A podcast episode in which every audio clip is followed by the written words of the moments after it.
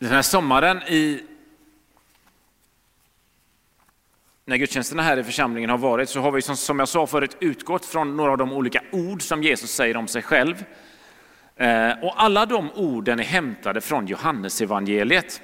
Det är liksom Johannes som har snappat upp vad Jesus sagt om sig själv och så har han återgett det genom att, att skriva ner det.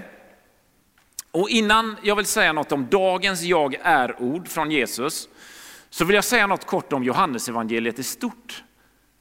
Alltså vad ville egentligen Johannes när han skrev ner allt som finns med i det som vi kallar Johannesevangeliet?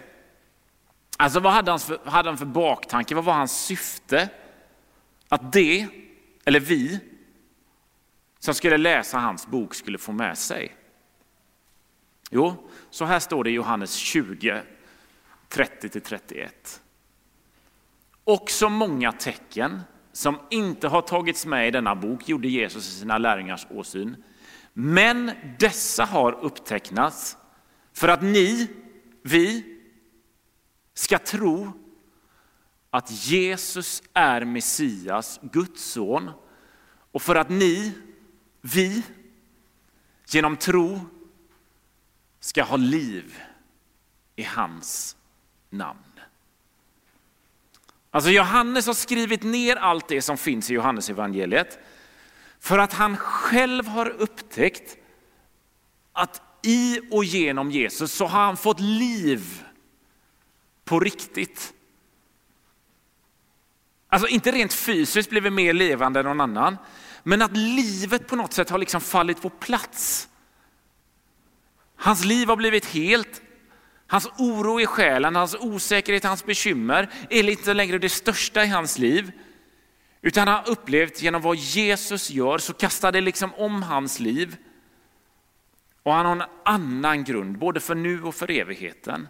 Och de orden som Johannes använder för det här, det är att han har skrivit för att ni ska tro att Jesus är Messias, Guds son. Och för att ni genom tro ska ha liv i hans namn.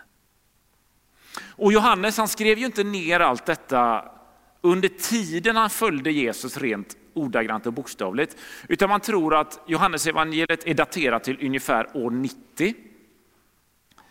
Och även då när Jesus inte fysiskt gick omkring på jorden längre, så såg Johannes hur människor fick liv genom att tro på och ta till sig och leva i och genom det som Jesus hade sagt och gjort. Alltså han märkte att människor fortfarande börjar tro på att Jesus är Messias och genom den tron fick människor liv i honom. Så Johannes skrev ner för att fler skulle kunna få göra detta. Alltså han hade kunnat ta med fler saker som han hade sett Jesus göra, det säger han ju i början här. Fler saker har han hört Jesus säga, men han valde att begränsa sig till detta. Så när han har valt att ta med, när Jesus säger jag är grinden, eller jag är livets bröd, eller jag är uppståndelsen och livet, eller vad det nu är, så är önskan och tanken från Johannes sida att du och jag genom tro på Jesus ska ha liv i hans namn. Och du tänker, jag vet det efter det du lyssnat på i gudstjänsterna i sommar och det du lyssnar på idag. Det är Johannes intention.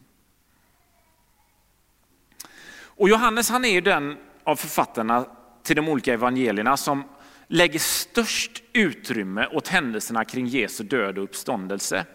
Ungefär hälften av Johannesevangeliet utspelar sig kring den sista veckan av innan Jesus korsfästs och sedan uppstår.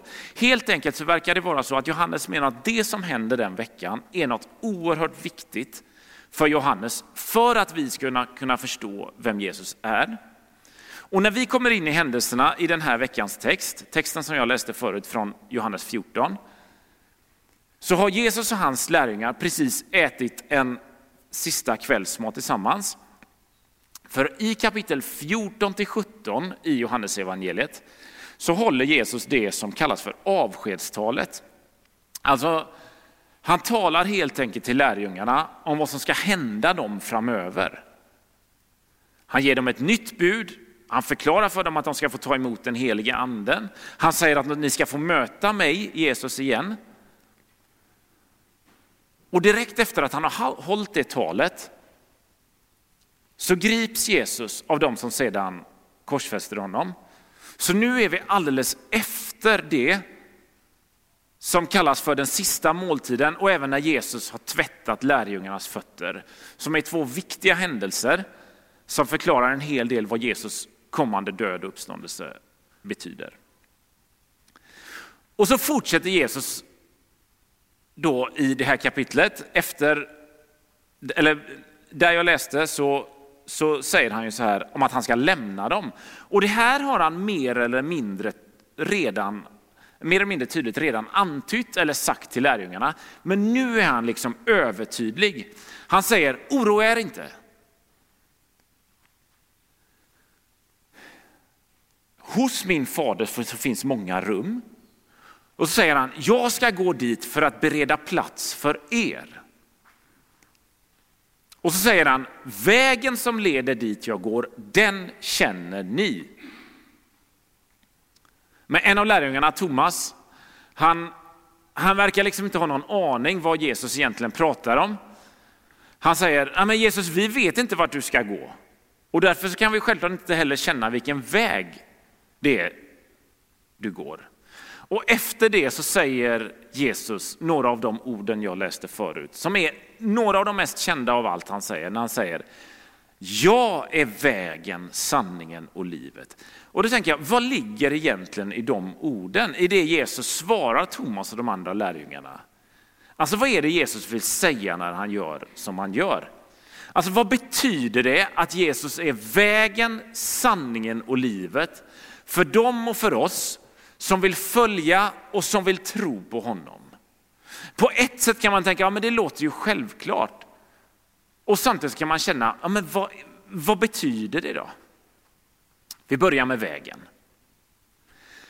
I det judiska samhället så brukade det vara något som faktiskt kallades för vägen. Det fanns någonting som lärare, som ledare, som var samtida med Jesus, redan gick under rubriken vägen och det var Mose lag, eller det som vi kallar för Moseböckerna.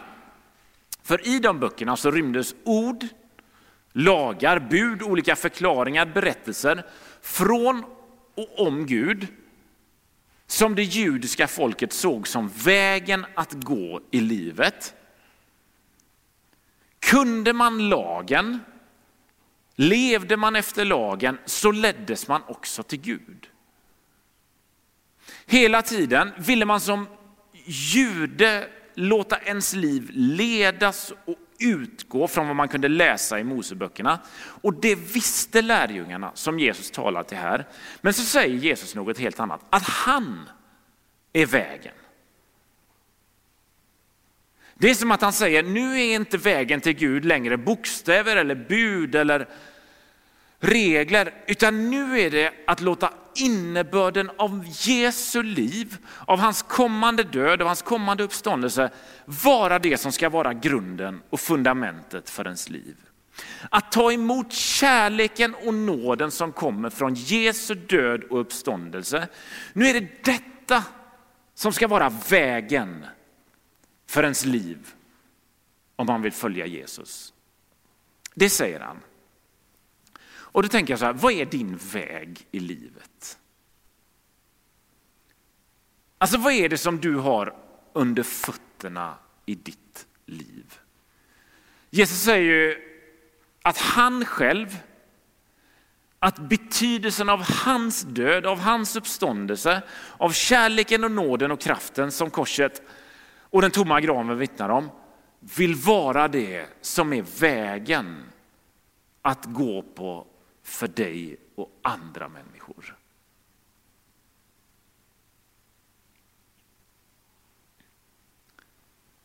Och så fortsätter Jesus säga att han är sanningen. Alltså vad menar han egentligen med det? Ja men sanning är ju någonting att lita på. Ni vet ibland så hör man något otroligt som någon berättar för en. Och så intygar man ju, jo men det är sanning. Alltså hur osannolikt det än kan låta. För vi vet ju, är det sanning så håller det ju också att lita på. Så när Jesus säger till lärjungarna att han är sanningen, så säger han också att han är den att lita på. Alltså det ni nu har varit med om under de tre åren ni har följt mig och det ni strax kommer få vara med om här i Jerusalem, när jag kommer fängslas, lida och dö och senare uppstå, det är någonting att lita på, säger Jesus.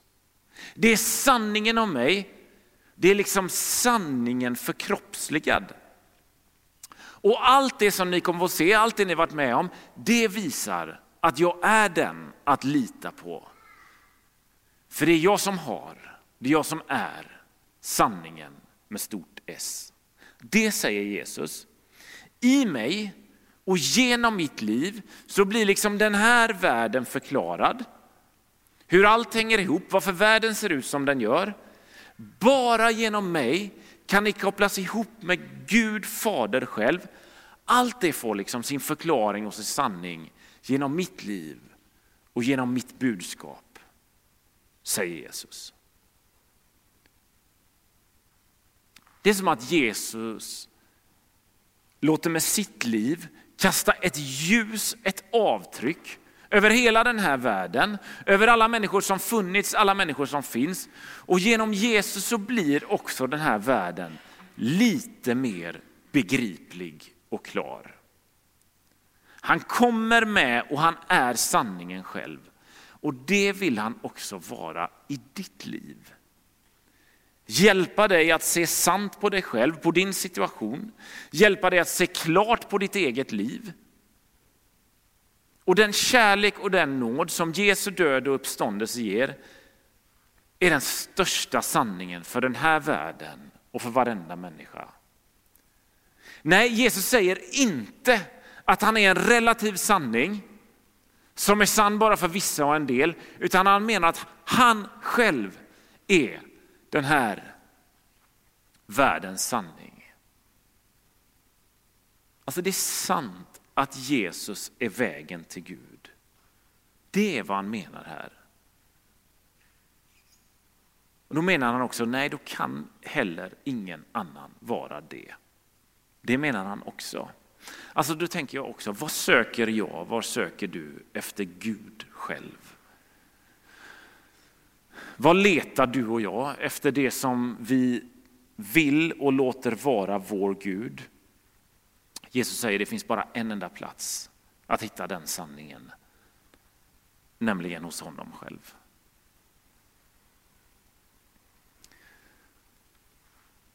Och i begreppet att han är sanningen är också att han är den att lita på, den att sätta sin tilltro till. Den som håller genom allt i livet. Alltså hur kan han vara det egentligen? Jo, så här är det. Allt det du bär, allt det du funderar på, allt det du tänker på, allt det du oroar dig över, allt det du lider över, det har också Jesus själv burit. All din glädje kan du rikta till honom, all din oro och osäkerhet kan du också rikta till honom. För han håller att lita på, det säger han genom orden när han säger att han är sanningen.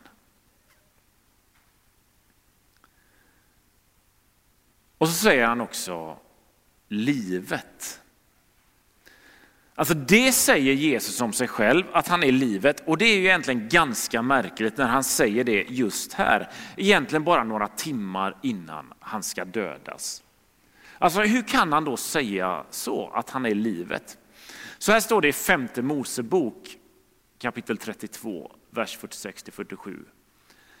Alla de varningsord som jag nu har gett er ska ni lägga på hjärtat så att ni kan lära era barn att troget följa allt som står i denna lag. Det är inga tomma ord, det gäller livet för er. Femte Mosebok som detta är hämtat från kallas ju också för Deuteronominum som betyder den andra lagen. Alltså i den boken så upprepas mycket och det viktigaste av det som står i de andra fyra Moseböckerna. Och lagen ansågs inte bara som vägen som jag sa förut, utan också något som gav livet själv. Det är precis som bibelordet här säger.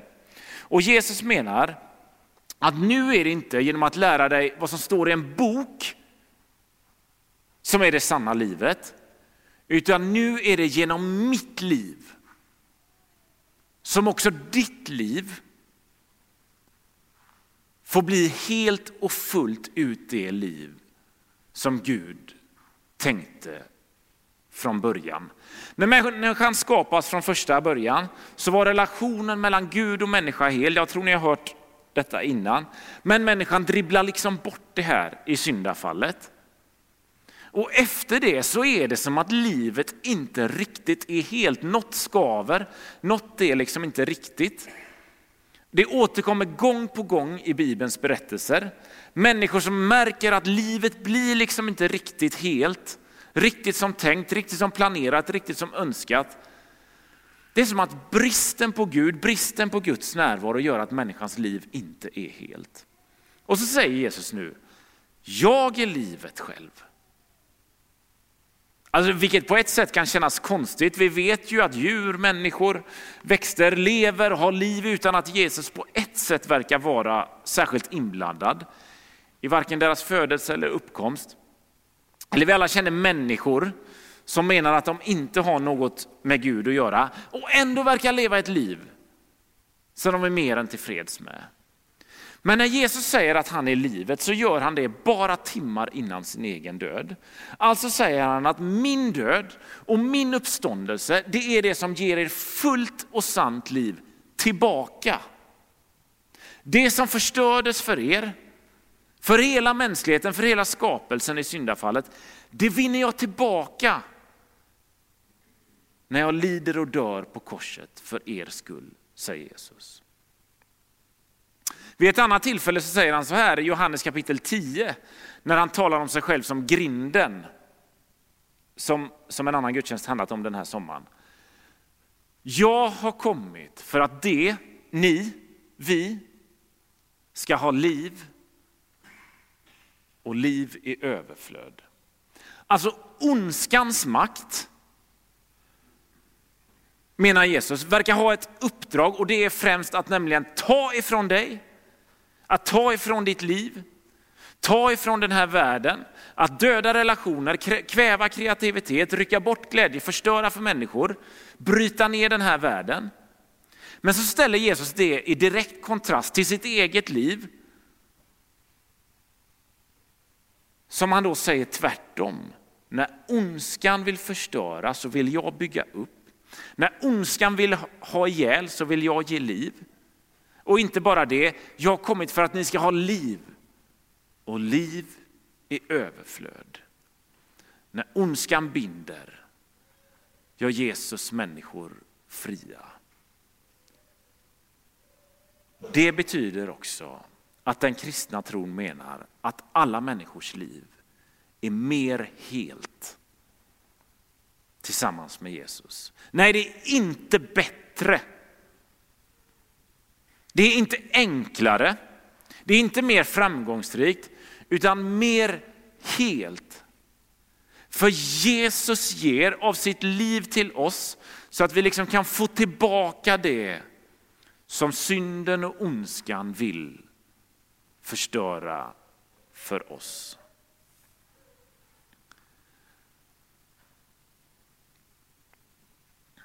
Jag vet att det här har sagts flera gånger under sommarens gudstjänster utifrån de olika teman som har predikats om. Men just orden jag är, som Jesus sa, det var laddade ord för det judiska folket.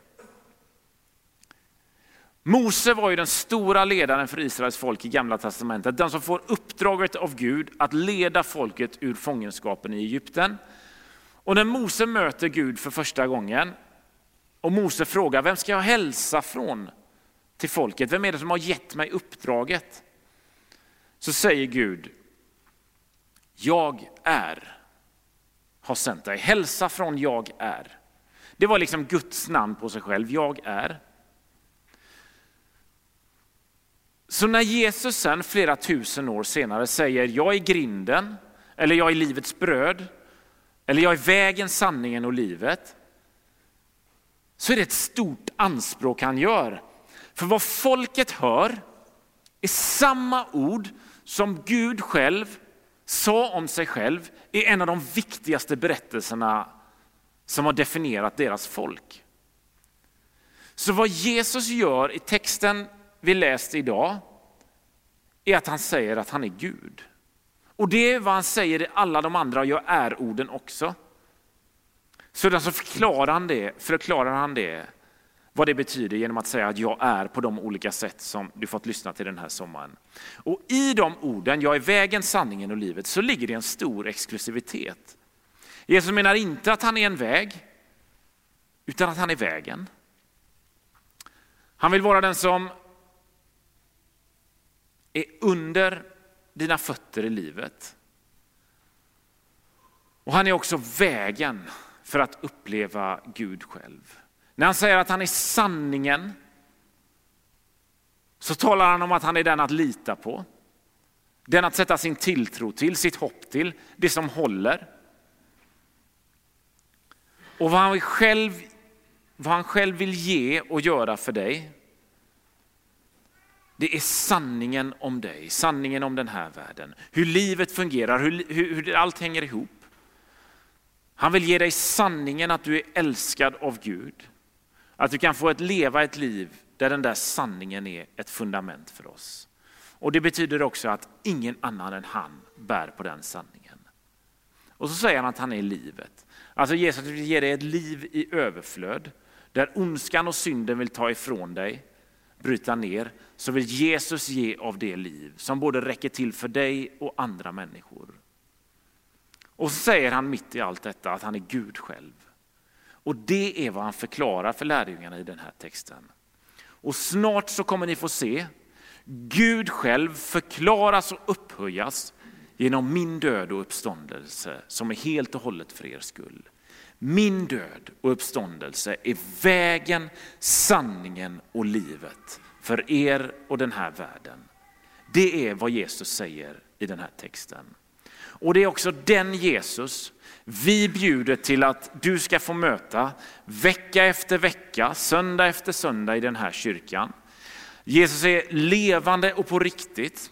Och när vi sjunger om och till honom, när vi ber till honom, när vi firar nattvard, när vi läser bibeltexter, när du lyssnar på en predikan, när du finns i gemenskapen med andra människor, så blir Jesus konkret för oss. Just det mötet bjuder vi till dig alldeles snart i nattvarden. Först så ska vi få lyssna till en sång av Caroline. Innan det så ber vi en bön. Herre, tack för att du säger jag är, att du är Gud själv. Och tack Jesus för att du vill vara vägen för oss, det som finns under våra fötter, det som liksom på ett sätt leder oss framåt. Herre, tack för att du är och vill vara sanningen. Du är sanningen om den här världen, du är sanningen om våra liv och du vill också kasta ett ljus över våra liv. Över de situationer vi står i, så att sanningen ska få råda. Så att sanningen om oss och andra människor ska få komma fram. Att vi är älskade av dig och att du är levande. Tack också Gud för att du är livet själv. Vi vet att det finns så mycket i den här världen som vill riva ner, som vill ta död på, som förstör, som bryter ner. Men Herre, du är livet själv. Livet utgår från dig och du vill också ge oss ett liv i överflöd. Vi ber Gud, låt oss kunna ta emot det. Tack Herre för att du mitt i detta också är den att lita på. Som gång på gång på gång visat att du är den som håller. Tack Jesus för det. Amen.